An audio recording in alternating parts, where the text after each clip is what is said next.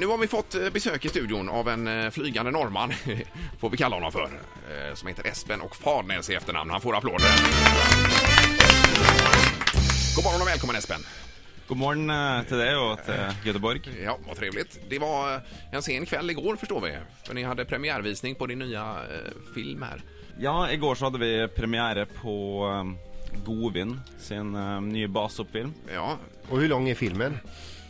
Filmen er på litt over sju minutter. Mm. Minutter, Og det er sju minutter full pakka med vingedraktflygning. Ja, just det. Ja, for det er altså det du holder på med. Du, du det ut med en drekt på deg, og så flyger du i 250 kilometer i timmen.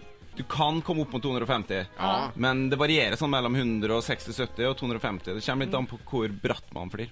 Eh, Okej, eh, just det. Men, men kan du beskriva de här olika be- begreppen då? För base jump eh, är något och sen är det wingsuit som är något och wingsuiting som är... Ja, hvis vi skal gå tilbake, så, så begynte basehopping på sånn slutten av 70-tallet. Ja, Da var det en kar som het Carl Bøners, som fant opp det man kaller moderne basehopping.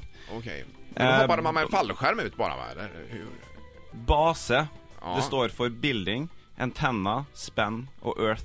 Som er de fire ulike kall det faste objekter man kan, eh, kan hoppe fra. Jaha, ok. At de hoppade ut bare, og så dro de fallskjermen så att jeg, ifrån en byggnad eller noe? då? Eller? Ja, altså På den tida så prøvde man alt mulig. Jeg har sett klipp av eh, sparkesykler, av rulleski og ah, okay. skateboard og alt mulig. De prøvde mye forskjellig. Ja, just det. Eh, men til slutt så fant man ut at uh, vingedrakta, Ja. den var smart å bruke. Men en sånn der dräkt som du hopper med, hva er det for material i en sådan?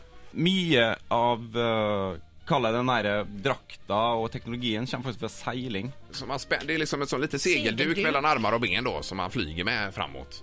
Ja, det kan man si. Ja. Um, det er en drakt som har eh, zero porosity, som vi sier. da Den har ingen gjennomstrømning mellom seg. En helt tett drakt. Ja. Uh, du har uh, Som man kan se på filmen her. Att att man Eh. glidflyger nå, altså, er det jo det handler om.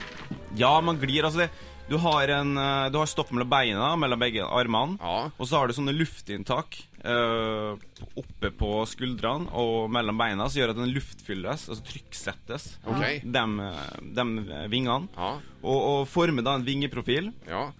som gir, uh, som gir jo muligheten til at man kan fly og få et løft uh, som, som en flyvinge. Men er det jobbigt, altså når du flyger der, er det jobbigt for muskler å spenne kroppen och eller är det bara liksom att det, det är som att det var skönt, liksom? Ja, altså det, det er jo bare det å stå rett opp og ned på to bein og holde to armer rett ut til sides, er jo i seg sjøl jobbig. Ja, Det er jo en, uh, nærmest en form for sånn statisk styrke, styrkeøvelse. Mhm. og, uh, og, og når man da får bindtrykket i tillegg, så er det jobbig. Men man er fylt av så innmari mye adrenalin Ja. og rush under det her minuttet når det her foregår. Så man tenker ikke på at det er jobbigt kanskje? ens? Nei, jeg kjenner når det henger skjerm. Da har jeg sånn 170-80 puls og Ja, ja. gispete luft. Du, en, en sånn her klipphylle klipphylla du, du hoppet fra til å begynne med altså, hvor høyt er det? Hvor Hur stor fallhøyde har du? På den nyeste filmen nå så er selve klippene som vi hopper ut fra, 144 meter. Rett til høyre? högre?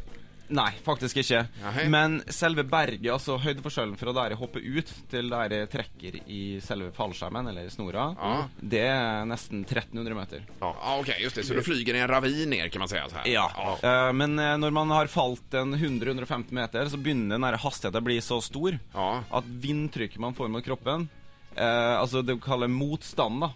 Så motstand til tyngdekrafta. Ja, begynne å overvinne tyngdekrafta. Ja. Og da kan man begynne å manøvrere på selve vinden.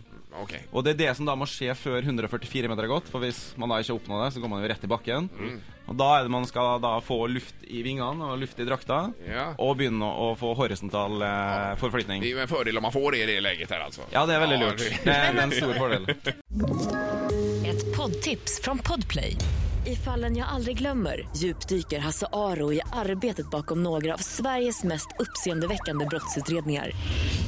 Går vi in med hemlig telefonavlyssning och, och då upplever vi att vi får en total förändring av hans beteende. Vad är det som händer nu? Vem är det som läcker? Och så säger han att jag är kriminell, jag har varit kriminell i hela mitt liv men att mörda ett barn, där går min gräns. Nya säsongen av Fallen jag aldrig glömmer på Podplay.